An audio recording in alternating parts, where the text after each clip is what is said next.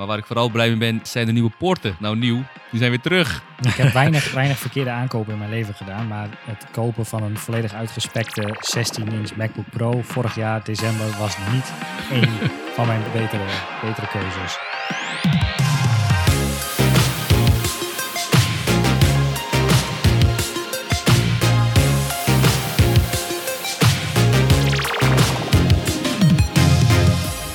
Welkom bij de Pixel Paranoid podcast. Ik ben Mikelle en samen met mijn co-host Rick gaan we alles behandelen rondom UX, UI en front-end development. En deze week gaan we het hebben over, nou, met name Apple. Ik in ieder geval. Ja, ik niet. Maar ik wil er wel over meepraten. Ehm, nee, over, over Apple. eh, en volgens mij jij iets over offboarding. Ja? En Danny, jij had iets over UX, design en security.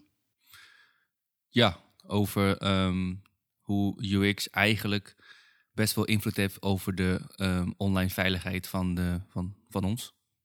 Oké, oké. Cool. En zoals jullie horen is Danny er dus bij. Nice. Welkom. Yes, dank jullie wel. Ehm, laten we eerst beginnen met eh, wat asides. En eh, Rick, trap eens af. Oké, ja, mijn site eh, gaat over. eh, nee, je hebt het al genoemd. Eigenlijk was de grap, wilde ik jullie zeggen: van als je bezig gaat met een design, dan hou je vast bezig met onboarding. Ja. Toch?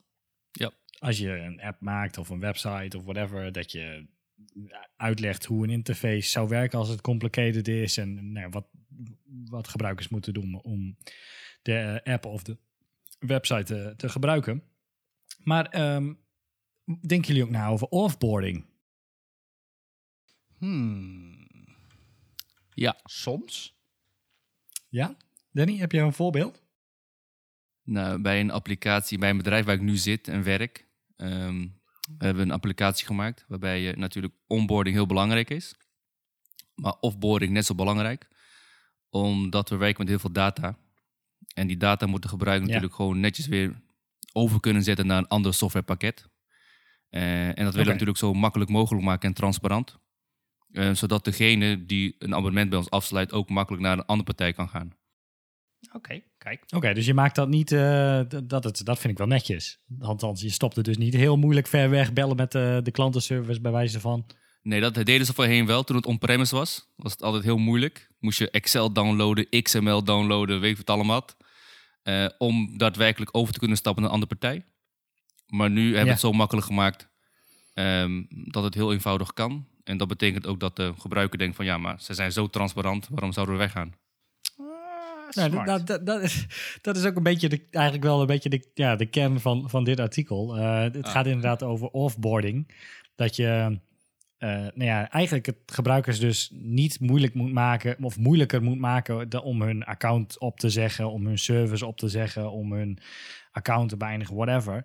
Eh, of er inderdaad over te stappen naar een andere service, omdat het, je hebt een, een, zeg maar, een piek van op het moment dat je ergens mee begint of ergens bij een website aanmeldt, dan heb je bepaalde, nou, ik ben blij bijvoorbeeld. En dat is een ervaring, vandaar je onboarding.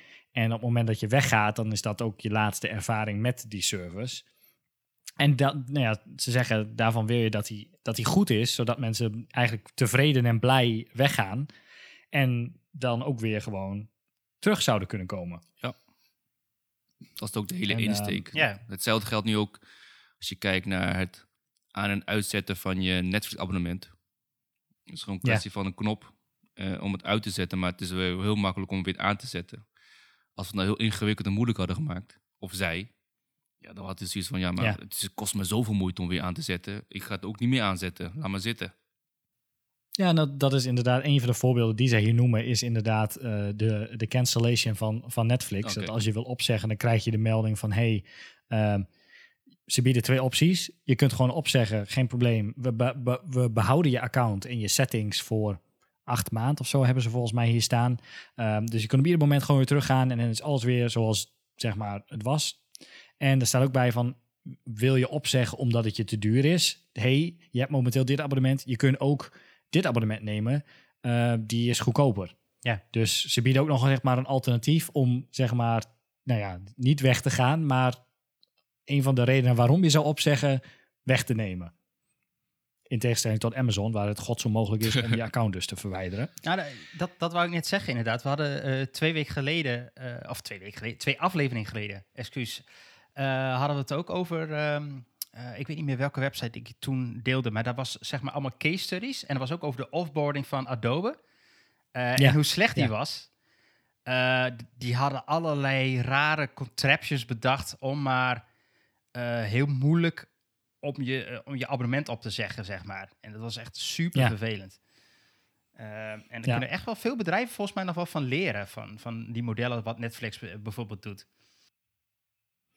Ja, dat, eh, ze hebben hier inderdaad, Amazon is dus god zo mogelijk. En eigenlijk moet je dus niet zo'n avoid dark patterns bij het cancelen van subscriptions. Van, hey, wil je opzeggen? Eh, bel ons, mail ons of eh, doe al iets anders on- onmogelijks. En we hebben het ook al eens over gehad, HelloFresh bijvoorbeeld.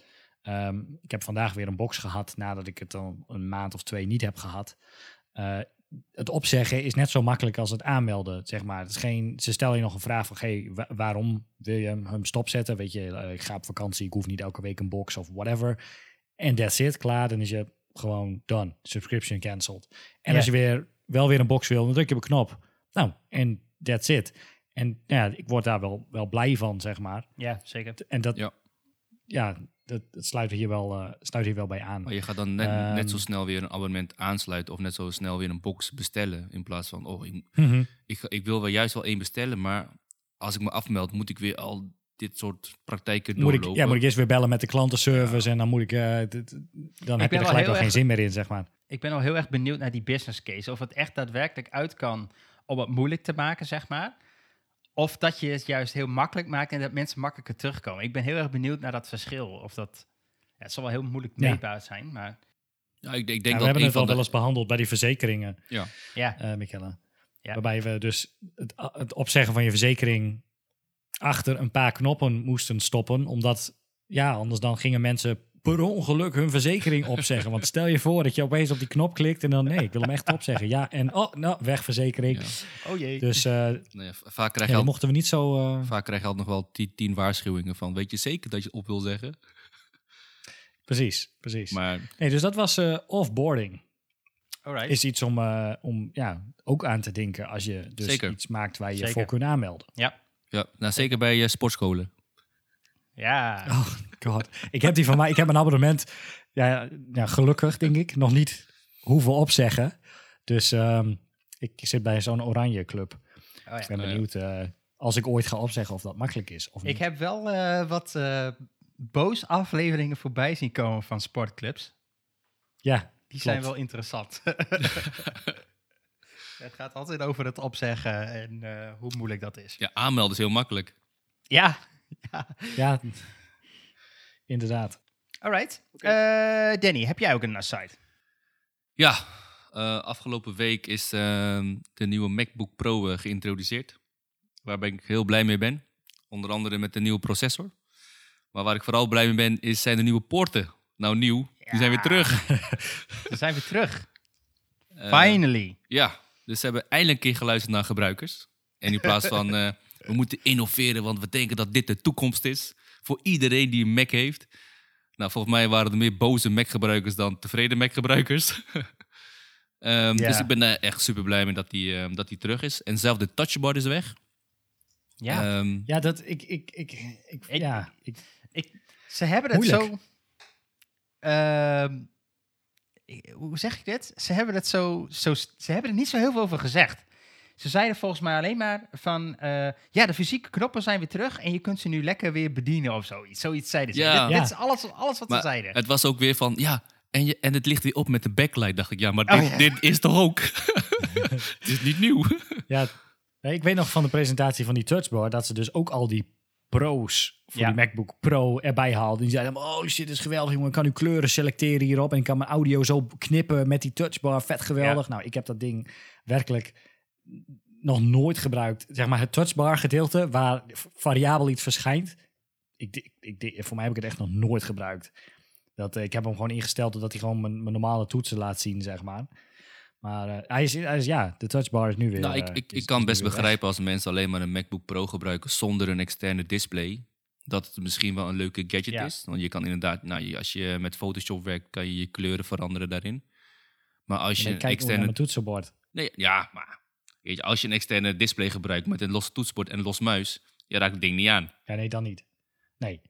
Nee, maar ook Ik- als ik- ik, gewoon hem zonder scherm gebruik, zeg maar, dan, dan ik, in Figma zie je daar kleuren verschijnen. Maar ja, dan, ik ben, moet toch meer dingen doen dan alleen een kleur aanpassen. Dus of ik nou naar het toetsenbord kijk en dan de kleur aanklik, of in de sidebar een kleur selecteer, ja. Hm. De enige waar ik hem wel, wel handig eh, eh, in vond, was zeg maar het, het trimmen van eh, filmpjes. Dus had je zeg maar eh, eh, eh, QuickTime. en dan had je een filmpje en dan kon je heel makkelijk zeg maar een filmpje kunnen trimmen. Dat kon je gewoon met je, met je hoe heet het, met het touchbar ding doen. En dan eh drukte je op done en dan was hij klaar zeg maar. Dat, dat werkte eigenlijk best wel makkelijk. Ehm, maar ja, ga ik dat nou missen? Ik- nee, nee. Nee, want de meest gebruikte knop op die hele touchbar is nog steeds de escape toets. En ja, Ik heb dan die Ja. 16 inch, die heeft weer een fysieke escape toets. Ja. Met Ah, ja. daarnaast dan de touchbar. ja, dat, Maar, dat- dat ja. heb ik niet inderdaad. Ik Maar er zit dus weer een HDMI-poort op. Ja. Daarvan kan ik me voorstellen dat dat, dat, dat wel handig is. Mocht Ja. je inderdaad de afgelopen jaren nog geen adapter hebben gekocht. nou ja, dan kun je nu weer daar. Alleen het is wel een HDMI 2.0 poort en geen 2.1 poort. Ja, Dus hij doet geen 100 plus hertz volgens mij. Nee, Ja, nee, klopt. Hij doet eh, max 4K 60 hertz. Ik, ik, ik, ik vind dat ook een beetje gek, eigenlijk. Moet ik heel eerlijk in zijn. Want ze doen, we hebben best wel... Nou, nee, oké. Eh, kijk, je kunt nog steeds die 120 hertz Thunderbolt-poorten gebruiken. En waarschijnlijk true, hebben true. ze zoiets van... Als jij jouw, jouw 5K XDR Apple displays sluit je aan op, eh, op die Thunderbolt-poorten en niet op de HDMI-poort. Nee, true. Oké. En, ze, en ze, ze- wat, wat was het eh, ook nog weer? De, het unieke was nu twee 5K eh, displays plus nog een 4K tv via HDMI dus. Ja. Ja, oké. Het is meer om je, om misschien om je, om je, om je iets anders op aan te sluiten. Of Ja. als je Nee, je kon- je een- kon een drie- presentatie moet geven. Ja, je, kon, je kon twee displays plus nog een eh, via HDMI. Dus een Nee, nog een derde. Je kon drie displays. Oh ja, je kon drie displays. Ja. Ja, eh, was dat nog verschil tussen Max en Pro of niet? Ja, die Pro, die Pro kon volgens mij meer. Die Max kon twee schermen en die M1 Andersom. standaard kan maar Andersom, één die. Max is de... Andersom. Max is de Oh, hoogste. Sorry, ja, die kan drie, eh, de Pro kan twee en de M1 Ja. normaal kan één extern display. Maar ik, wil zeggen, ik ben Ja. in ieder geval blij dat die poorten terug zijn. Ook een SD-kaartslot. Dat is ook wel weer fijn. Ehm, het enige wat je nog moet Ja, doen ik is... heb een- twee van die hubjes. Eén, Ja. één, één hubje kon ik alleen maar krijgen, zeg maar, met SD-kaartslot. En het andere hubje, eh, zeg maar, de ene hub heeft een USB-C aansluit voor power, maar geen SD-kaart ding. En de andere hub heeft wel SD-kaart, maar geen power. Dus ik heb er twee. Hey, hoe meer dongels, hoe Ja. beter. Ja, Maar die heb ik nog ja, natuurlijk nog steeds nodig, maar... ik, ik, vind, ik moet wel heel eerlijk zeggen, ik, ik word wel blij van dit ding. eh. ik, Ja. ik, ik heb wel het idee dat dit, dit is wel weer een, een MacBook Pro, zeg maar, eh, ja, die, die er wel toe doet. Ik ben heel erg benieuwd Ja, naar de performance. Eh, Kijk, ze hebben natuurlijk van alles geroepen. Eh, drie keer sneller, eh, veertien keer sneller, tien keer sneller, whatever. Eh, nou, die grafiekjes die moet je altijd maar even voor, voor een beetje met een korreltje zout nemen soms. Eh, al hebben ze er dit keer wel bij gezet waar ze dit mee hebben vergeleken. Het staat onderin, nu rechts onderin in die grafiekjes, Ja. in die keynote, staat in met welke laptops ze hebben vergeleken. Dat is, daar hebben ze nog nooit eerder gedaan, volgens mij. Nee, toen was het inderdaad dat eh, magische nummers. En nu was het inderdaad eh, tegen een Razer laptop of zo, dacht ik. Ja, een gaming- Razer en een, ding. een MSI en MSI, een, ja. nog een, een laptop. En op, op drie verschillende niveaus hebben ze dat getest. Maar ik ben gewoon heel erg benieuwd naar de praktijk performance testen en zo. Ja. Eh, maar goed, we, we weten de M1, eh, wat die allemaal kan. Eh, en dit gaat beter zijn. Dat, Ja, dit, ik heb weinig, weinig verkeerde aankopen in mijn leven gedaan. Maar het kopen van een volledig uitgespekte 16-inch MacBook Pro vorig jaar december was niet een van mijn beste, betere, betere keuzes. Want eh, die werd vervolgens eh, een half jaar later gewoon door de standaard M1 een MacBook Air, zeg maar, wordt mijn 9-core i7 al uit het water geblazen. La- laat staan door dit ding. Ja. Dus ja, Dat, Ja, dat is eh, dat is jammer. Waarschijnlijk ook gewoon letterlijk weggeblazen. Want die fan die gaat echt enorm blazen. Ja. Ja, hij- ja, dat zien jullie niet. Maar hij staat dus nu ook niet op zijn stand. Hij vliegt nu boven mijn bureau. dat, eh, hey, maar wat vinden we van? Want hij is wel dikker geworden. Ja, Oh, is het? Ja, ik, Ja. ik dacht al iets. Maar hoeveel dikker dan versus ja want Dat normaal... weet ik niet. 16 of zo? Maar hij is wel, hij is wel, hij is wel eh, de, de 14 is wel eh, dunner dan de 16 inch. Maar hij is wel dikker geworden dan de oude. Ja, geen ramp. Want normaal gaan ze altijd vergelijken met... Ja, we hebben nu de dunste laptop. Ja, ik- voor mij was dat ook niet echt een issue, maar, ik, ik, maar het zal mij echt een worst zijn. 0,66 inch. Dat is... eh, ik heb geen idee. En, en hij heeft weer een beetje, de, een beetje een retro look of zo. Hij is wat anders. 1,67 centimeter. Oké. Maar dat, is- dat is wel dikker dan die, eh, die ik eh, nu heb. Dan de vorige modellen. Ja, maar je meet er niks van. Ik bedoel, ehm, ja, je hebt hem open en hij is nog steeds dun. Ja, die, die, ja. die MacBook uit Zeker. 2000, wat is het, 15 of zo, ja. die waren ook gewoon goed. Ik bedoel, volgens mij zijn ze, die, eh, die volgens mij zijn ze even dik. Die jullie nu en ik ook hebben, volgens mij is 1,55 centimeter. Ah, ja. Dus eh Oh. scheelt je niet heel erg veel. Nee. En hoe Maar eh, ik hoe- vind hem wel retro. Hij, hij heeft Ja. wel wat weg van die, van die G-Book. eh, is dat een G-Book? MacBook G4 Ja, die wat of zo? Die G-Book, oudere, ja. Weet ik veel. Die, die, die eh, aluminium eh, vierkante, die, wa- ja, die was Ja. wat, wat hoekiger, zeg maar. En hij heeft Met, hele kleine eh, pootjes. Ja. Van een millimeter Klopt. of zo maar, maar toch? Ja. ik vind hem wel ja, cool. ik vind hem wel, eh, wel slick. En de notch dan? Vind Ja. ik daar nog wat van? Nou, ik, had al, ik, ik heb al wat discussie met mensen daarover gehad. Die zeiden, ja, fucking notch. En waarom moet nou weer een notch? En, eh, maar aan de ene kant, wat ze gedaan hebben, dat is wel slim. Ze hebben eh, de normale, eh, wat is het? Ik weet niet of het de 16.9 is, maar ze hebben een bepaalde ratio, zeg maar, wat al- en al die Apple displays hebben. Ze hebben die scherm iets verhoogd, zodat, Dat het, 1610 nu, volgens mij. zodat de ratio niet verandert, zeg maar. Eh, dus, dus die balk waar, waar, wat, wat nu bovenin zit, waar die notch uitgevallen is, dat schijnt gewoon eigenlijk een extra laagje pixels. Ja, dat is die, die, die balk waar de tijd in zit. Die toolbar ja, bedoel je? die toolbar. Die, Ja, en die, wordt nu ook hoger. Die is wel ho- hoger, Die is hoger, ja, ja. hoger geworden. Dus dat Ja. die de, de notch matcht. Ja, ik weet niet. Ik, ik denk niet dat je er... eh, ik denk dat het een goede toevoeging is. Weet je, als ik nu om, naar mijn scherm kijk, dan zit dan, is de bezel aan de bovenkant dikker Ja. dan dat die aan de zijkant is. Dus ja, als je daar die balk in propt, prima. Ja, het, eh, zal, het zal mij ook echt een war zijn. bij, je, bij, je iPhone heb je, bij je iPhone heb je er geen last van, dus ja. Maar ik, ik weet wel dat, dat eh, nou, ik, ik, op tweakers ging iedereen weer helemaal los, zeg maar. Van, ah nee, Apple, why? Ja, dat is met die, Eh, met, die iPhone, met die iPhones ook zo. Mensen, vind- ik, ik, Ja. ja, ik heb geen idee. Misschien komt het omdat ik geen... Ja, maar ik, misschien heb ik nog geen... Ik heb nog geen telefoon gehad waar geen notch in zit, zeg maar. Of hoe heet zo'n eh, camera, zo'n camera gat nu? Een, eh weet ik veel, punch hole heet zo'n Oh, ding, ja, ja, ja, ja, dat. Je een volledig scherm hebt met één zo'n gat bovenin Ja. waar dan je camera Ja. in zit. Eh, ja, ik weet niet. Ik, ik kijk er gewoon omheen, Als, denk als ik. dat het enige waar mensen over eh, moeten hebben op tweakers, dan eh, ben ik er blij mee. Ja, Ja, over de nieuwe Ja. MacBook dan, hè? Ik bedoel, ja, ja, ja. ja, Oh, ja. en de battery life. Holy shit, er zit gewoon een bed. Dat ding kan, Ja. weet ik veel, 20 uur mee of zo met video playback. kijken, Nou, als, ik die van 21 mij, dat is wel insane hoor. Hè?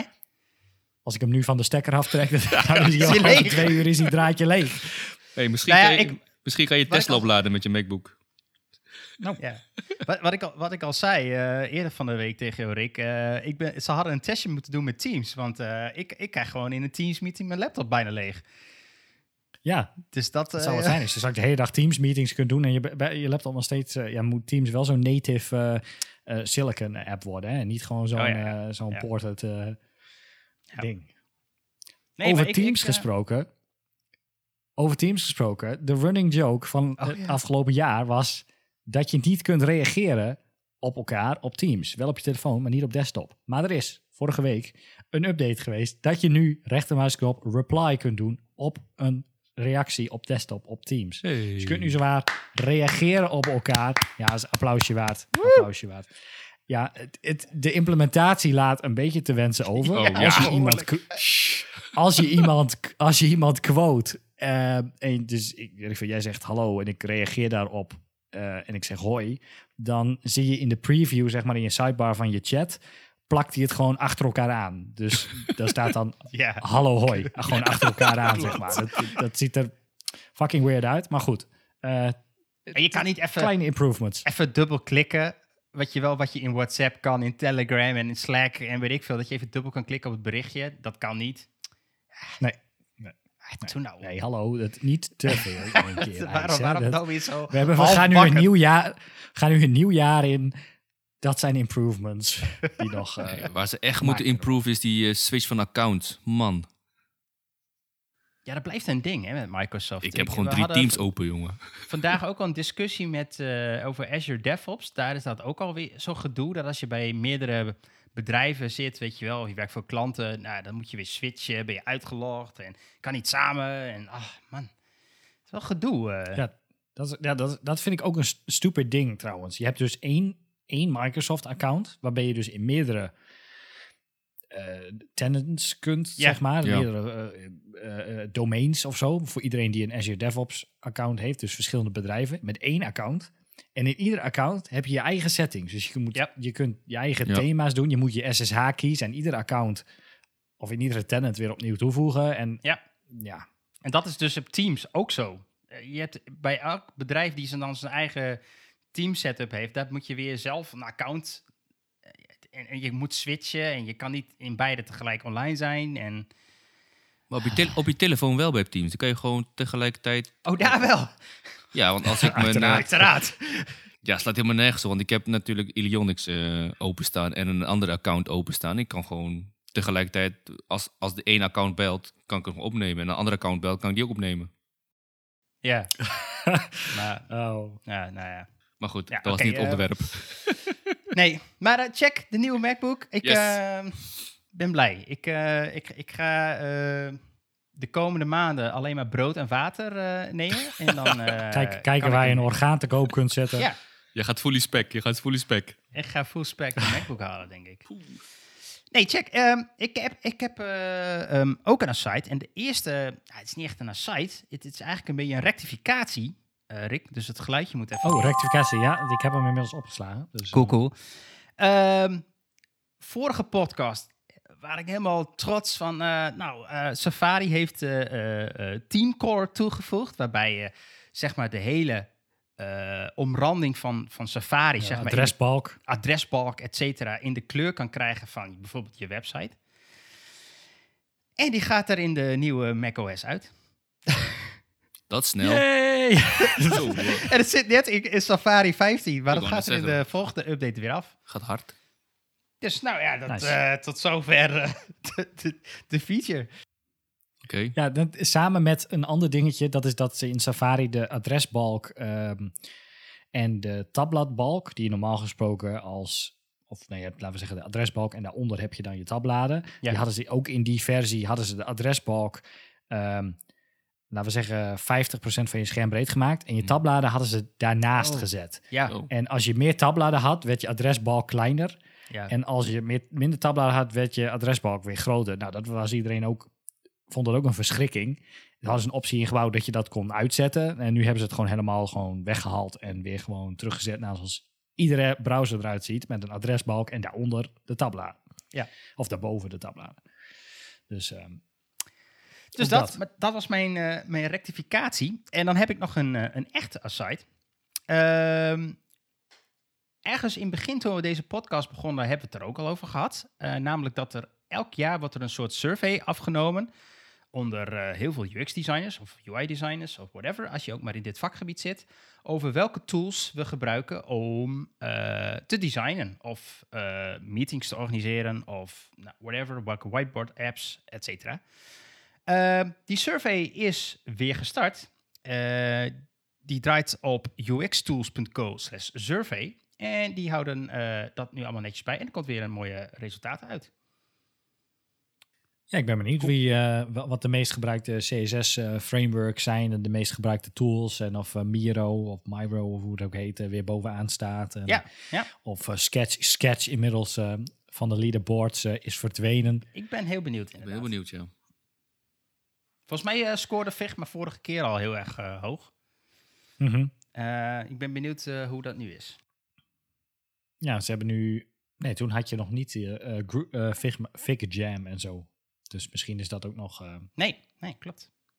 Ja, ik moet nog wel even wennen aan die combinatie met FigJam en FigDesign. Omdat, Ja. je, omdat je gewoon Miro gewend bent. Of tenminste, ik dan. Ja. Ehm, dus je moet even wennen, maar het werkt in principe hetzelfde. Ja, we, we, eh, Rick en ik hebben het al, al even gebruikt bij een, eh, bij een klant. Op zich, eh, het, het werkt prima. Er zitten niet enorm veel features in nog. Eh, Miro is wel veel uitgebreider, denk ik. Ja. Maar het is wel handig dat je dit ook in Figma hebt, I guess. Ja, je kunt nog geen custom kleuren doen. Dat was een beetje Ja, stupid. dat We wilden beetje post-its. eh. Je kunt post-its slepen, zeg maar. En die kunnen dan, weet ik veel, acht default pastelkleuren hebben. Ehm, van, eh, weet ik veel, geel, eh, groen, paars, roze, oranje. Maar geen specifieke kleuren, zeg maar. Dus het, is een beetje, het was een beetje basis, maar ja, voor het plakken van wat post-its in een, in een sessie was het, eh, was het prima. Je kunt lijntjes trekken, vierkantjes maken. Je kunt duimpjes en, en wat standaard stickers overal opplakken. Ja, Plus ja. één, een sad face, En je hebt face, iets van een, van een timer, dus je zou iets van een workshop-achtig iets kunnen geven. Ja. Ja. Hebben, jullie, Ehm, hebben jullie het zelf al ingevuld dan? Ik heb hem Ik heb hem eh, net ingevuld. eh, ingevuld. Moet ik het ook maar even doen dan. Maar eh, we zetten hem in de, in, de, in de show notes en dan eh, kan iedereen dit lekker voor zichzelf eh, invullen. cool. Ehm, ja, dan gaan we, ik wou zeggen, dan gaan we naar de main. Maar we hebben denk ik eh, allemaal verschillende onderwerpen. Dus of het nou main is of niet, geef het beestje een naam. Eh, maar het lijkt mij misschien wel even handig om eh, nu eerst te praten over eh, de UX-design en in combinatie met security. Wel een interessant Wil je niet onderwerp. nog op de Apple website hebben? Even. Ja, dat, dat komt. Dat gaan we Oké, later. oké, oké. Ehm, want Danny, jij, jij had over dat onderwerp wel iets. Ja, het gaat voornamelijk over waarom we eigenlijk, als je naar het weblandschap kijkt, het zo moeilijk moeten maken ehm, om jezelf te kunnen beveiligen. Of daadwerkelijk een wachtwoord eh, op te slaan. Of ehm, eh, bijvoorbeeld een, een goede mail te herkennen, eh, logos te herkennen, et cetera. Ehm, Mhm. Maar daar was ik wel even benieuwd naar, naar jullie mening. Ja. Ja? Goeie vraag. Ehm, ja, ik zit even te denken. Eh, In die zin heb ik nog niet zozeer iets me- meegedaan. Wel in hoe wij als UX, eh, of hoe je met UX, of wij als UX'ers, een omgeving of iets dergelijks, of, of een sens van veiligheid aan een gebruiker kunnen weergeven, zeg maar. Ehm, dat was dan in een, in een omgeving dat je ging inloggen en dan gewoon ja, door een, een, een schildje bij te zetten, zeg maar. En als je ingelogd was, dat, dat alles ook veilig leek en, en een beetje in die omgeving, die trend, zeg maar. Daar heb jij ook voor mij nog aan gewerkt, eh Michelle. Ja. Maar niet zozeer in de, in de zin zoals jij het net noemt, eh, Danny. Jij, Michelle? Ja, ik zit, ik zit ook even hard op te denken. Eh, ehm, kijk, er zijn wel. Het, het, volgens mij ging dit eh, niet alleen maar zeg maar ook hoe je inlogt, maar ook hoe er met je data wordt omgegaan. Ja. dus Ja. ook hoe makkelijk je dat aan en uit kunt zetten, et cetera. Nou, daar heb ik, ik moet ook eerlijk zijn, niet enorm veel zelf mee gedaan. Maar ja, ik heb wel een mening erover, want ik, ik heb wel. eh, ja, ik heb heel veel accounts bij, bij websites. eh, en, en je merkt echt bij de ene is dat heel lastig. Eh, en bij de andere eh, heb je gewoon vinkjes van, ah, ik wil eh, hier niet meer, hier niet meer geüpdate over worden. Ja, Haal me daar maar uit die lijst. Als, je- als, je, als je bijvoorbeeld kijkt naar Facebook en, en als je aangeeft van oké, ik wil Mm. nou, dat dit niet openbaar wordt gemaakt, of dan moet je echt je in Ja. rond gaan zoeken om dingen bijvoorbeeld uit te zetten. Eh, Facebook Ja, precies, is een in die- goed in die voorbeeld. Eh, hebben jullie die settingpagina's wel eens bekeken? Wat je allemaal aan en uit kan nergens zetten? over. Dat is echt, daar kan een normaal mens bijna niet uitkomen. Dat zijn echt 150 opties. Eh, Ja. met, en, en ze hebben het natuurlijk eh, heel fijnmazig gemaakt. Maar daardoor is het ook echt super complex geworden. Eh, ja, vraag me af. Ja, Ja, maar stel, dus, ze het nou moeilijk, hebben ze het nou moeilijk gemaakt omdat, het, omdat die data zo belangrijk voor hun is? Of hebben ze het, zeg maar, het, het- bij Facebook voelt het een beetje als, weet je, ja, dat klinkt een beetje denigrerend naar, naar programmeurs, maar het is een beetje van, hey, we hebben deze feature ingebouwd, het werkt technisch, technisch kun je alles tweaken wat je maar wil, maar het is compleet niet gebruiksvriendelijk. Ik weet niet. Ja, of misschien is het zo'n achteraf ingebouwd ding. Dat in eerste instantie al die dingen Oh, zijn opgeleverd. En, en, je, en je zeg maar alles publiekelijk kan doen. En daarna kreeg je die hele GDPR en, en beveiliging. Dat ze, nou weet je, dan flikkeren we dat allemaal wel gewoon in settings. Daar Ja. kun je allemaal aangeven wat allemaal wel en niet, niet zichtbaar moet worden. Maar ik, om dan aan te haken op, op Danny's punt.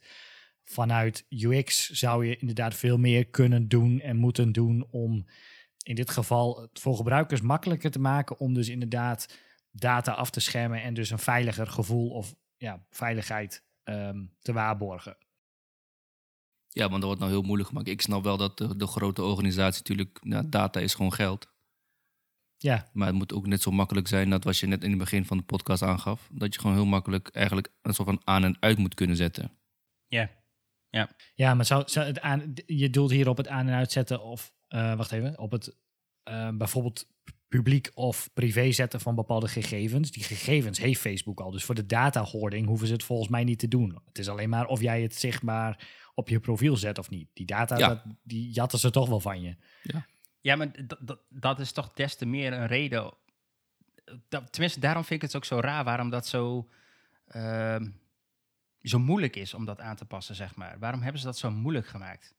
Dat, dat- ja, Ja, maar net, net als je zeg maar eh, een nieuwe, nou ergens een abonnement gaat afsluiten en je moet al die privacyvoorwaarden lezen. Waarom maken we de gebruiker zo moeilijk dat we zeggen van ja, we hebben paragraaf 1 tot met 300.000. En dan pas Ja. klik je op eh, Ja. ik ga ermee akkoord. Niemand leest dit. nee. Maar eigenlijk moet je de belangrijkste punten highlighten van oké, dit is eigenlijk belangrijk voor jou, dit moet je lezen. Maar als jij in, in, font, in, in font 8 20.000 paragrafen laat zien, ja, je klikt maar op oké om te zeggen van ja, ik moet hiermee werken, want ja, anders kan ik niks. Goed voorbeeld. Gisteren kreeg ik een mailtje van de Giro. Ja, Eh, ja, ik wou net zeggen. Zo'n eh, zo'n beleggings-app. van, hey, eh, we hebben onze algemene voorwaarden aangepast. En eh, ja, dat kan ook invloed hebben op jouw eh dinges. Hier zijn onze nieuwe voorwaarden. Nou, klik je erop. Kom je gewoon in de algemene voorwaarden van 234 pagina's. Ja. noem maar Ja. wat. Zoek, zoek het maar En uit. ik, ja. En nu staat gewoon letterlijk nergens wat er is veranderd. Het is gewoon, dit zijn de nieuwe voorwaarden. En als je, ehm, ah, was ook van, als je nu de app blijft gebruiken, gaan we er mee, gaan we ervan uit dat je ermee Ja. akkoord gaat. Ja. En eh, anders dan, dan moet je maar je account verwijderen of zo. Oké, ja, er was, er was nog één andere PDF en dat vond ik eigenlijk wel komisch, want ik, ik, ik dacht ook, ik weet niet of het, of het echt zo is, of dat de, de, de, de AFM, de ACM, zeg maar, ergens in die hoek, eh, die volgens mij roepen die van, als jij voorwaarden aanpast, dan moet je aangeven wat je hebt veranderd.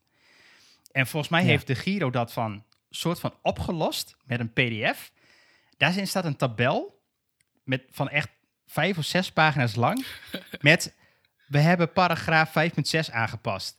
Zie hier de oude en hier de nieuwe situatie.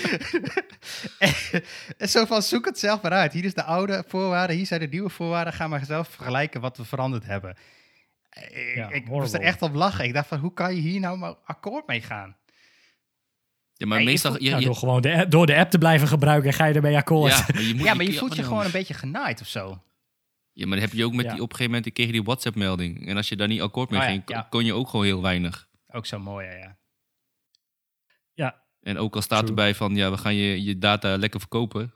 Ja, als je zegt van, eh, ik ga niet meer akkoord, ja, dan eh, kan je niet meer gebruiken. Ja.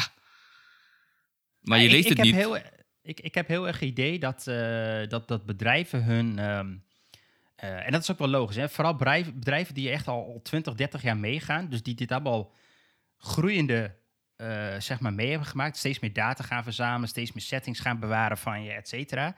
Volgens mij hebben die bedrijven heel erg hun, hun, hun hoe noemen we dat, heel netjes, de data governance niet voor elkaar, zeg maar. Dus ze weten eigenlijk nee. niet goed wat ze allemaal van jou bewaard hebben. En ze Nee, heel krampachtig bewaren ze maar alles, omdat ze niet weten wat ze nodig hebben. Ja, maar is ook gevaarlijk. Nee, ja, Ja, exact. d- en, en daarom timmeren ze dat dicht met... ook al Die, eh, ja, die hele grap toen, toen die hele GDPR kwam, dat je zeg maar zo'n standaard brief kon sturen naar zo'n bedrijf met hey, geef mij al je gegevens. En toen wij bij een verzekeraar zaten, nou, die mensen die renden daar als kip zonder kop rond, want die wisten helemaal niet wat, wat we in godsnaam allemaal hadden, zeg maar, van iedereen. En stel je voor dat iemand zo'n brief stuurt, want nou, dan moesten de kluizen worden opengetrokken en papierwerk en dozen Ja. doorheen, want eh, God knows wat er allemaal eh, bewaard was. Dus ja, het artikel wat jij hierbij hebt staan is ook bewaar zo min mogelijk, zeg maar. Ja. En gebruik in dat geval zo min mogelijk cookies, dat je zo min mogelijk data deelt met externe partijen. Ehm, wat vinden jullie dan van, van two-factor authentication? Ik vind dat two-factor authentication als, als ding eh, geniaal, goed, prachtig, gelijk overal implementeren. Alleen de UX daarvan is echt totaal onduidelijk voor iedereen die niet enigszins technisch is aangelegd, zeg maar. hoeveel familieleden en, en zo ik nou haast wekelijks moet helpen met uh, inloggen met dat soort dingen of het instellen daarvan. De, die krijgen opeens ja, ik moet een andere code invullen en, ik moet een app downloaden en dan, dan ik had 30 seconden, dat kan ik helemaal niet en dan is die code alweer weg en ik snap er helemaal niks van en, en, en gewoon nul uitleg. En wat vinden diezelfde mensen van uh, um, uh, DigiD dan? DigiD, ja, daar, daar hebben ze gewoon een wachtwoord van, zeg maar. Of ze krijgen een sms'je. Ja, dan kan je kiezen. En die app dan? Want die app, dat is eigenlijk two-factor two authentication. Ja, maar ik, nou, ik weet niet. De mensen die ik heb geholpen, ik ken niemand met die app. Iedereen gebruikt zeg maar die sms-dingen. Dus dan krijgen ze een sms'je, dat snappen ze wel. Ik gebruik wel de app. Dan staat pak je telefoon, dan krijg je een, ja, ik gebruik de app ook. Maar die mensen gebruiken gewoon een sms'je. Dan krijg je een sms'je van DigiD, ja. vul de zes Dat snappen ze. Maar dat ze, dat ze een app moeten downloaden en dan een QR-code moeten scannen en dan een code in beeld krijgen. waarom die vraag stel is, is van zouden uh, die websites niet meer naar, naar zo'n soortachtige oplossing kunnen gaan? Want nou, uh, ik, ik, weet niet waarom, maar ik heb het idee dat, dat, dat DigiD dan wel redelijk laagdrempelig is qua two-factor authentication, zeg maar. Ik heb het idee dat mensen dat een beetje beginnen te begrijpen. Uh, die app is wel goed hoor. Die app is niet heel ingewikkeld ook. Daar staat ook, nee. daar staat ook heel duidelijk in beeld van. Je gaat nu inloggen bij die site. Klopt dat? Ja, dan vul dan nu deze code in. Ja, dat, is, dat snap ik wel. Nou, Alleen als je een. Ja? In het begin, ik weet niet of je het begintijdperk meegemaakt hebt van DigiD-app. Daar zat toen een foutje in. Klopt. Een foutje? Ja, daar stond erbij op een gegeven moment dat je een QR-code moest scannen op je telefoon. Oh, ja, dat, dat, nee, dat werkt niet. Dat is lastig. En toen liep ik vast. Ik dacht, ja, hoe ga ik inloggen? Ik kan niet scannen met mijn telefoon. nee, maar die, die, hebben ze gefixt hoor, die hebben ze gefixt. Nee, check. Nou, nu, nu werkt die app werkt op zich prima inderdaad. Alleen die, uitleg in die DigiD-app versus een Google Authenticator, een Audi, een Microsoft Authenticator is gewoon, er staat een krampachtig tellertje die heel snel afloopt. Er verschijnen cijfers in beeld. en voordat ik het überhaupt heb overgetypt, is het alweer weg en paniek. Ja. Dat, uh, Daar kunnen we vast ook wat mee. Of daar moeten we als UX'ers ja, want zeker. dat komt er sowieso aan, zeg maar. Want heel veel partijen gaan dat forceren en doorvoeren en dat soort dingen. ik weet nog dat, um, uh, wat ik altijd wel een heel mooi mechanisme vond, was die van, uh, van Slack. Um, Slack kun je meerdere ja, kanalen kun je joinen, maar ook meerdere servers. Hoe zeg je het? Meerdere partijen, meerdere... Ja, channels of, of uh, companies of whatever. Ja, companies, laten we het daarop houden. En voor, eigenlijk voor elke company heb je weer een, uh, een ander account. Alleen zij doen dat wel wat slimmer als dat we net over Microsoft hadden. En uh, wat zij heel erg pushen is die, die zogenaamde password link mailen. Uh, ja, dus, dus dan, die, magic link. Ja, dan krijg je die uh, loginpagina voor je. Druk je op een knop, dan krijg jij een mailtje met een magic link erin. Daar moet je op klikken en dan ben je ingelogd. Dat is wel een hele gebruiksvriendelijke manier van inloggen.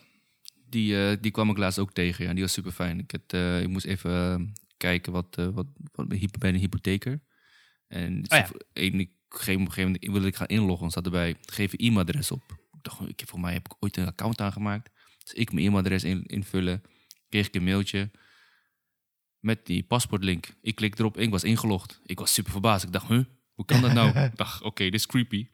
Nou, ik ben gaan, gaan kijken ja, inderdaad. Zonder wachtwoord. Ja, zonder wachtwoord. Toen dacht, ben ik gaan zoeken. Ja. dacht oh, dat is een nieuwe manier van inloggen. Maar dit is ook gewoon op een super veilige manier. Ook ja. two-factor authenticatie. Ja, super chill. Ja, ja, ja. Ik weet niet. Als, als je nou toegang hebt tot iemands e-mail, nu gaan we een beetje afwijken, maar als, als je dus toegang hebt tot iemands e-mailadres, dan zou je dus overal, of overal, zou je op bepaalde services kunnen inloggen zonder wachtwoord. Ja, dat is ook wel heel waar. Stel dat je bank dit zou doen, dan is het gewoon, oh, veel je e-mailadres in. Oh, ik heb toevallig zin op Danny's account. Mam, mailtje, klik, ingelogd. Ja, maar dat zou je ook met, met wachtwoord vergeten doen. Ja, ja, ja, als je eenmaal iemand wachtwoord heeft van je, van je e-mailadres, ben je gewoon de Sjaak. dat is gewoon een soort van... authentication op je, op je e-mail. Ja, maar dat, dat is gewoon een soort van... Dat is gewoon je huissleutel van je, ja, van je digitale eh, leven. En ben je gewoon, ben je gewoon kwijt. Ja. Hey, en, en een ander punt wat daar ook in dat artikel wordt benoemd is eh, make users aware of phishing attacks. En dat vind ik wel eigenlijk. Wij hadden daar volgens mij vorige week even ook een discussie over.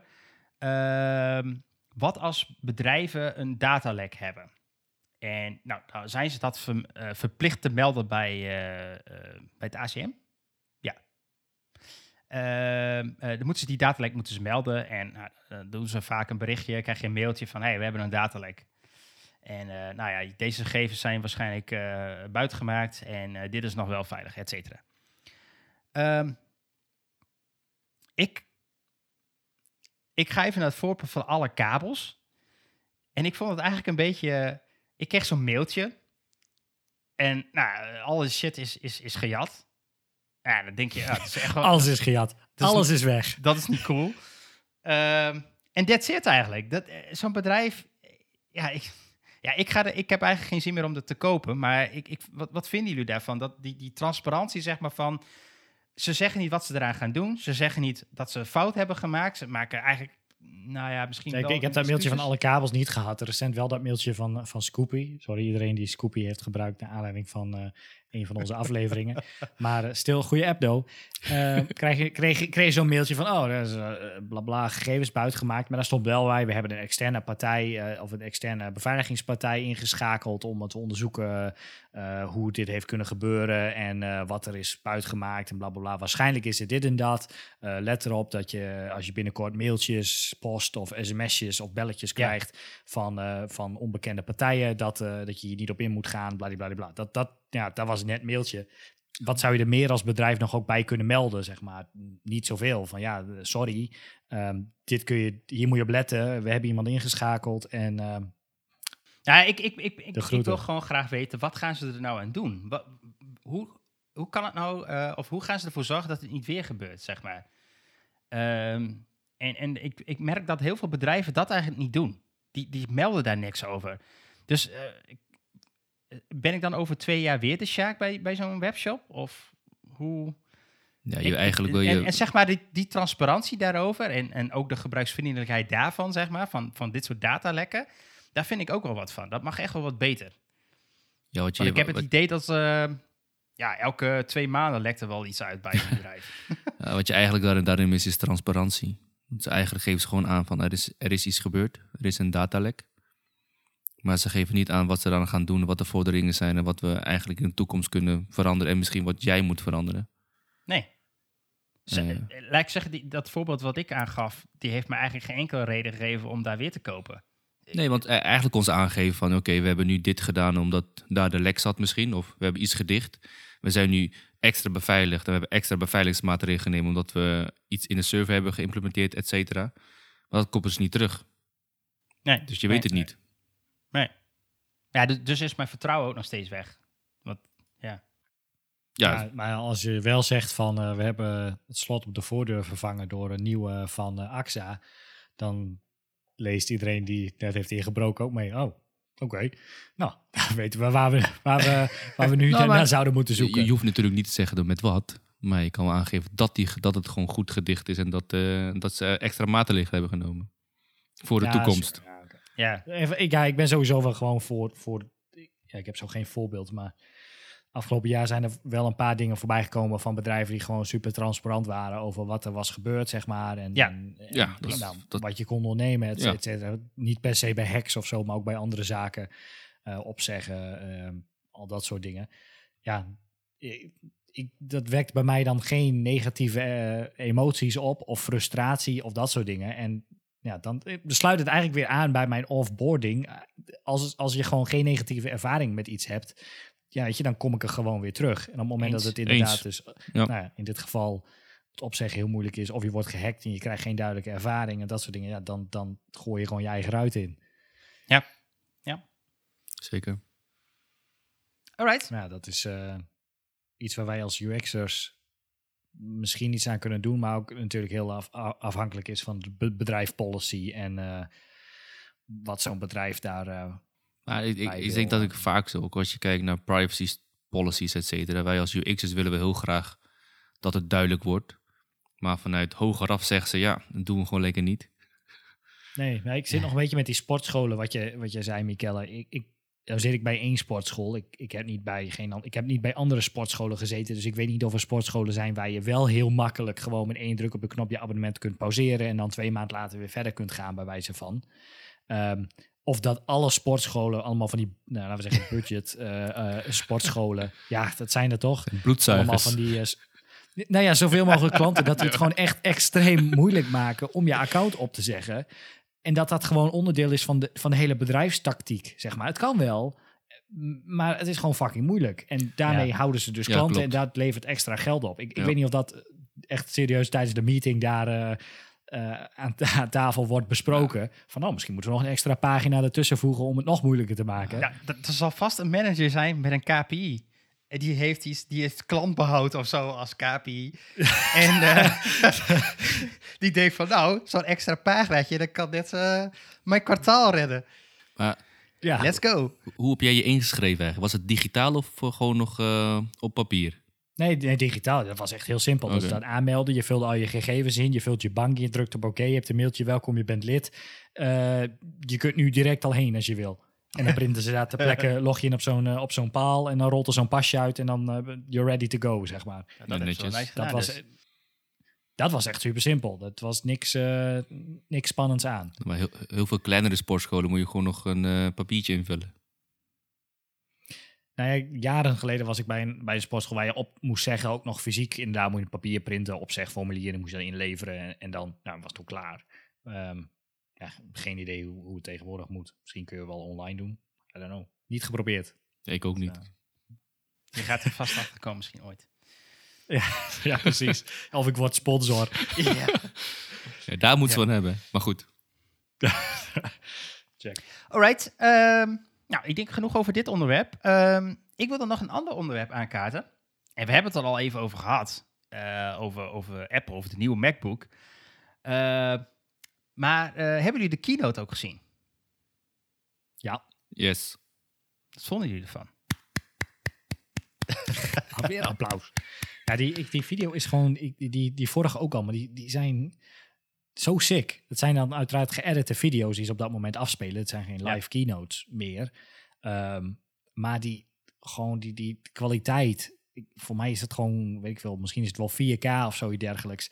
En die, die, de lighting, alles klopt gewoon, zeg maar. Er is geen, Ja. er geen onscherp shot bij en alles is fucking smooth en loopt in elkaar over. En Ja. het is gewoon een fucking bruut. Het is Dus echt haast een film. amazing. Ja, wat voor Ik- ik- productie ik- zit, insane. Ik, ik, ik kan me eigenlijk niet meer geloven dat ze weer terug willen gaan naar eh, die live keynotes. Ik, waarom zou je dat doen? Dit is zoveel beter. Je kunt alles regisseren, je kunt alles scripten. En, en dat doen ze ook. En ze gaan echt in alles los. Ja, ik vind het echt... Alleen ik... ik Ja, di- dikke drone shots die dan inzoomen en dan dwars door een gebouw heen Ja. gaan. En dan woep, dan Com- sta je bezig beneden in de complete- kelder. complete sets van een, van een huis wat half door midden gezaagd is. Ik, Maar die, vooral die, die, die transities zijn echt sick. Dat is echt niet Ja. normaal. Dat is echt next level. Dat je denkt van, oké, hoe kom je erop? Ja, dat, eh, Ja. eh, ik- een van de, de een, die, één transitie die ik me herinneren is... We zien elke keer eh, Tim Cook ergens in het grasveld staan... in het midden van de, de, de Apple campus.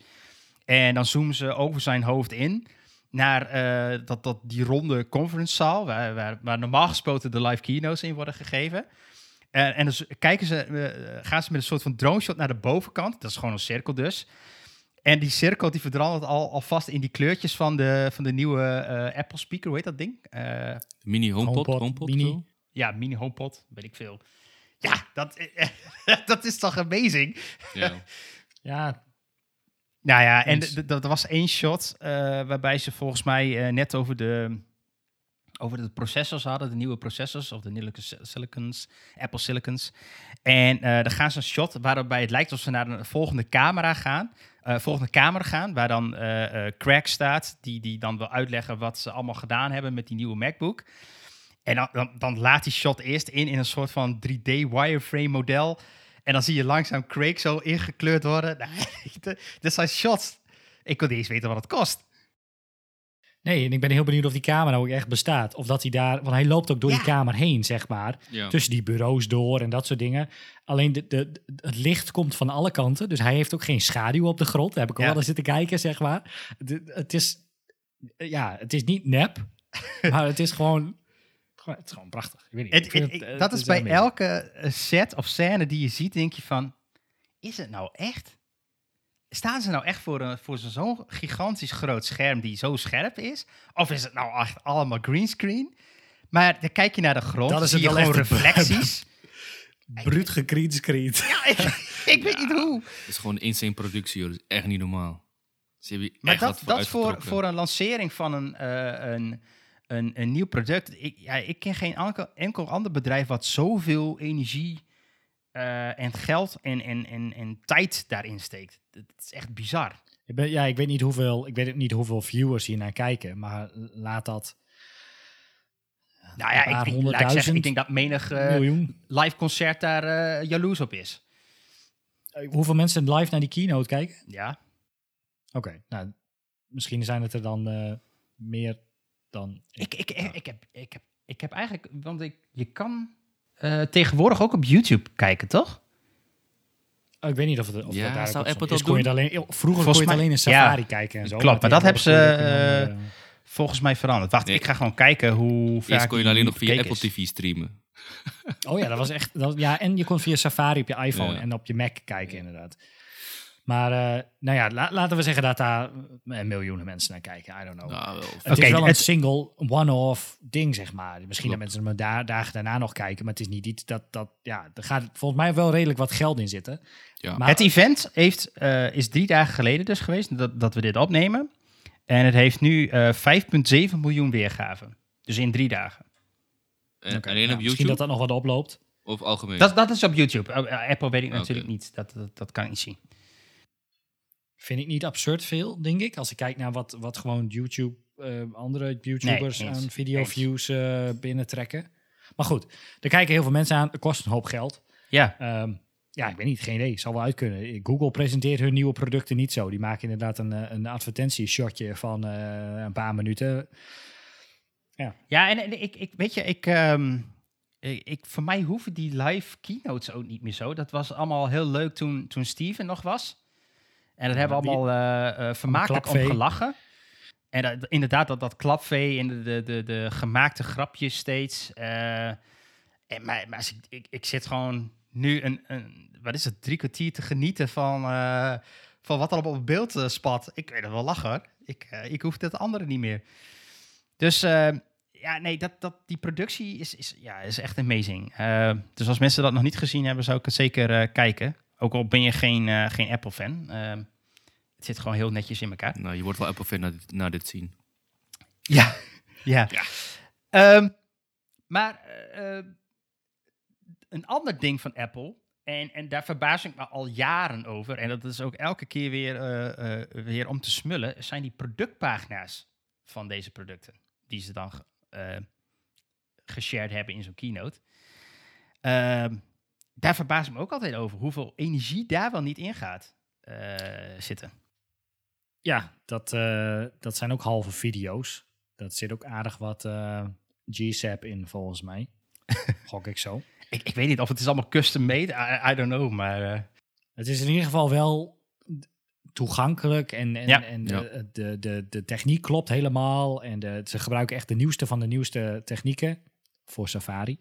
Eh practice- practices dan weer. Maar het is, het is gewoon wel super smooth. Het is haast eh, die productpagina's, daar loop je echt door een heel verhaal heen. Met, of een, haast een halve video heen, terwijl je er doorheen scrolt. En dan uiteindelijk eh, eindig je bij eh, een call to action knop. Ja, ik vind, maar wat, ik vind ze wel dik. wat, wat ik zo goed vind aan die pagina's is ehm, dat die- dit, is, dit, zijn een van de, dit is een van de weinige bedrijven die het voor elkaar krijgen eh, om een soort van, eh, hoe zeg je dat, een beetje bijna, het, het is niet fysiek, maar bijna een fysieke ervaring te krijgen van een product. Eh, want je, je, je ziet bijvoorbeeld de AirPods, eh, of we het hebben over de iPhone, of we hebben het over de MacBook. eh, alles zie je in 3D. Dus je, je scrolt, zeg maar. eh, producten worden in, gekanteld in allerlei vormen. Eh, er zijn heel vaak producten die helemaal een exploded view krijgen. Dus dan zie je de binnenkant. Ik, ik weet eigenlijk niet eens waarom, maar awesome.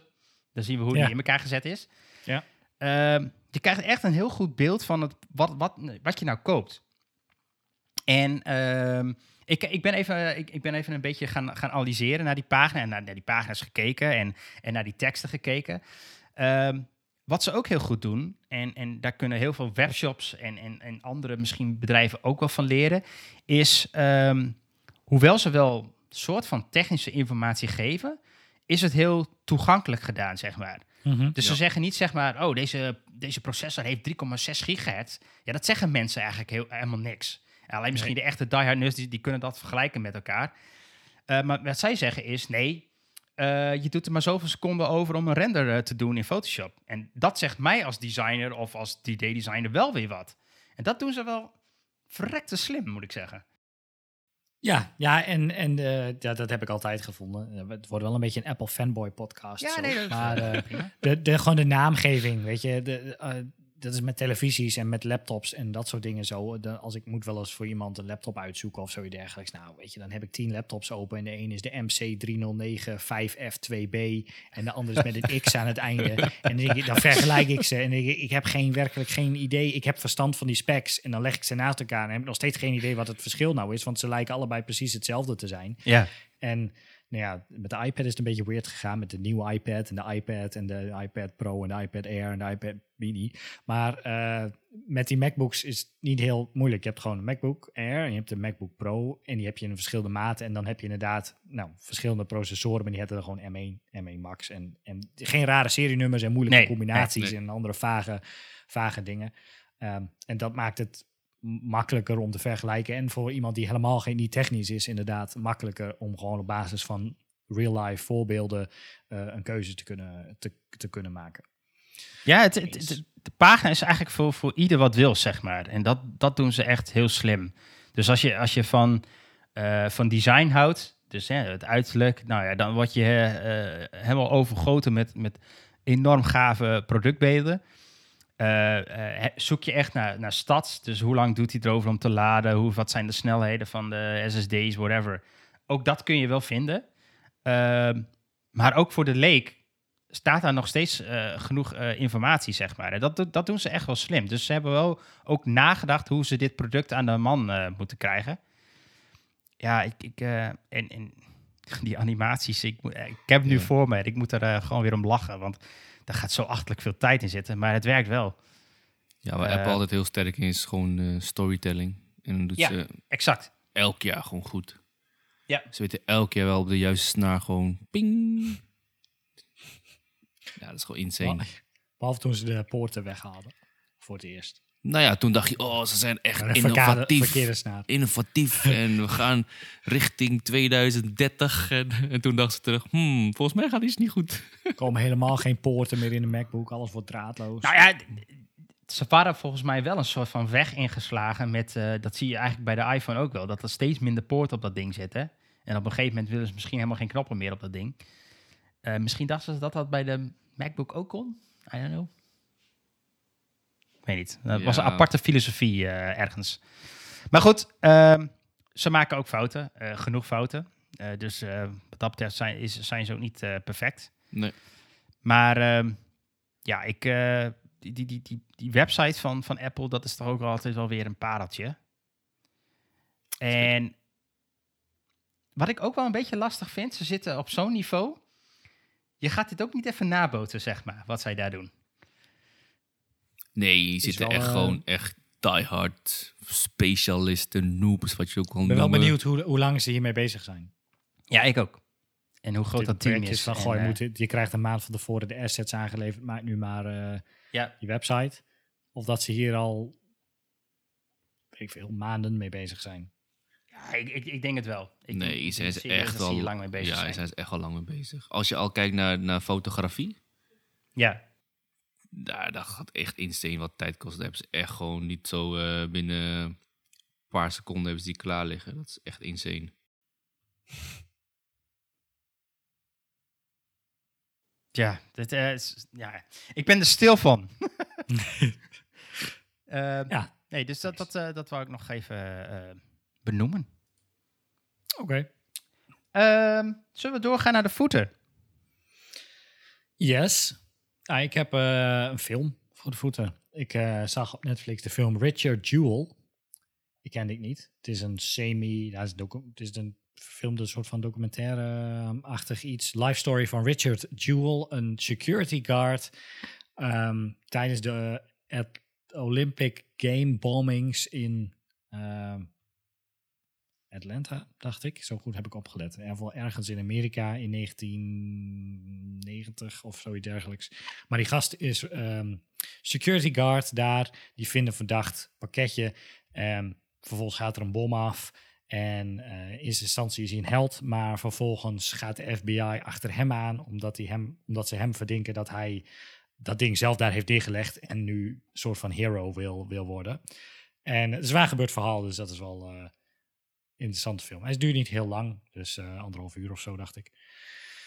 Is wel... eh, is wel, eh, is wel oké film. Kijkt, kijkt wel goed weg. Als je een cijfer moest geven? Nou, wel een eh 7,5, 8. Oh, oké. Ja, dat is prima, prima film. Nice. Nice. Oké. Jij, Danny? Ja, eh, het is meer een, ja, kan ik het vo een noemen? Nou ja, ik, eh, ik kwam een artikel tegen. Eh, die heb ik, eh, wat is het, gisteren of vandaag, wat is het ook weer gelezen. Dat Facebook zijn naam gaat wijzigen. Nou, Live oh, Invader. En ze vooral gingen focussen op de metaverse. Ja, ik, ik had het gezien inderdaad. Omdat ze overkoepelende partij zijn die, die zeggen niet alleen omdat Facebook een negatieve naam heeft opgebouwd met schandalen en privacy en dat soort Ja, dingen. maar eh, moet je dan gelijk een nieuwe naam? Ik bedoel, je kan ook je identiteit een beetje opschonen in plaats van ik moet gelijk een heel nieuwe naam. Omdat ze ook een, wat Mark Zuckerberg in de podcast zei van, ik had de podcast gelu- geluisterd van The Verge. En daar had hij het over inderdaad over de metaverse, dat dat de toekomst gaat zijn en dat we allemaal straks met AR en VR in een, in een dimensie gaan leven, eh, vanuit de andere kijk en iedereen komt elkaar tegen en et cetera. Maar moet je dan gelijk een nieuwe naam plakken op, op Facebook? Ik weet niet of het helpt. Zeg maar, Google heeft het gedaan met alfabet. Nou ja, dus wie, Ja, maar wie dat- weet dat was meer wat voor- alfabet is. Investeerders, toch? Dat was niet zozeer om de Nou, dat Google-naam. Go- Go- Google is nu een product onder Ja. alfabet. Ja. Net als Nest en al die andere dingen. Ja. Ik denk dat Facebook dat hetzelfde gaat doen. Die gaat renamen. En Facebook, de website, is een product net als Instagram en WhatsApp onder de nieuwe naam van, van Facebook, zeg maar. Ja. Wie weet hier in Nederland wat alfabet is, anders dan misschien die leasemaatschappij. Ehm ja, dus ik weet niet of dat gaat helpen voor, voor Facebook in hun, eh, in hun zin. Maar goed, Live Invader vind ik ook een goede naam. Maar wat, wat- maar wat vind je van de, van de, van de filosofie en gedachte over de, de metaverse? Vanuit Facebook standpunt eng. Nee, eh, Dan, wij, wij hadden het hier vo- voordat we de, de podcast aan het opnemen waren, hadden we het er al even over. Ik, ik, de- het deed mij heel erg aan eh, Ready Player One denken, de film. Ja. Ja. En ergens, ergens ben ik ook gewoon benieuwd hoe dat zou zijn. Ja. Zo'n zo'n wereld, zo'n virtuele wereld. Ja, Maar wat Rick zegt, als Facebook erachter zit. Ja het wordt Ja, eng, maar goed, of, of, of, of, of Jeff Bezos er nou achter zit, of Mark. Ja, nee, dat maakt niet uit. Dat maakt niet uit, inderdaad. Dat- dat- oh, ja, ik, ik, dus het, het idee is hartstikke tof. Alleen het probleem is dat het bedrijf dat dat gaat opzetten, wie dat ook gaat zijn, die heeft heel veel data nodig. En dat Ja. gaat, Ja. gaat om geld daarmee te verdienen, wordt dat verkocht. Dat, tenzij iemand anders een manier vindt om geld daarmee te verdienen. Ja. eh, of geld, aan geld te komen, wordt die data die wordt gedeeld en, en ja, op een uur weet één bedrijf heel veel van je om dat voor jou te kunnen realiseren. Het is een beetje alsof ze van Westworld eh, ook nog een soort eh, Ja. data hoarding bedoeling erachter hadden geknoopt. Ja, ja. Ja, nou, dat was een beetje mijn, mijn nabrander van, eh, van vandaag. Nou, dat wordt weer wordt een avond nadenken. ja. Ehm, Diep. Ik heb ook een, eh, een tip. Een, eh, een tv-show. Documentaire-achtig iets. Ja, documentaire is denk ik het officieel. Eh, dat is van James May. En James May kennen wij van The Grand Tour en Top Gear. En een van de drie mannen. En die heeft wel meerdere documentaires trouwens. Maar deze vond ik wel erg leuk. En dat is James May, Our Man in Japan. en. Oké. eh, hij, eh, hij is een... eh, ik weet eigenlijk niet hoe, exact hoe lang die in Japan is. Maar je ziet hem... je volgt hem eigenlijk van Noord-Japan tot aan Zuid-Japan. Hij trekt door heel Japan heen. Cool. En komt allerlei weird ass shit van Japan tegen. Echt de typische Japanse dingen. Eh, nou ja, het- James May is sowieso een hele droge gast. En met, met best wel toffe humor. Ehm, en ja, ik heb er echt wel van genoten. hè. En je krijgt best wel een goed beeld van Japan ook te zien. Eh, dus eh, wel een aanrader. Ehm, Waar kan je dat zien? en je kunt het zien op Prime Video. Even checken dan. Die, eh, als je dan toch bezig bent, moet je ook James May, Cars of the People even kijken. Dat is ook hilarisch. Check. Dan gaat hij inderdaad naar verschillende landen, of hij, ja, verschillende landen. Dan vertelt hij over de Fiat 500 en de Trabant uit Rusland en weet ik het allemaal. Dat soort, eh, eh, dat soort dingen. Die is ook wel cool. Alright. Nou, cool. Cool. Dat was eh, weer een eh, nou, best wel mooi gevulde aflevering, denk ik zo. Ehm, mocht je deze aflevering nou eh, ergens horen en je bent nog niet op ons geabonneerd, doe dat dan vooral. We zijn op, overal te bereiken. Google Podcasts, Apple Podcasts, Spotify, ehm, Amazon Music, iHeartRadio. Ja. Overal en nergens.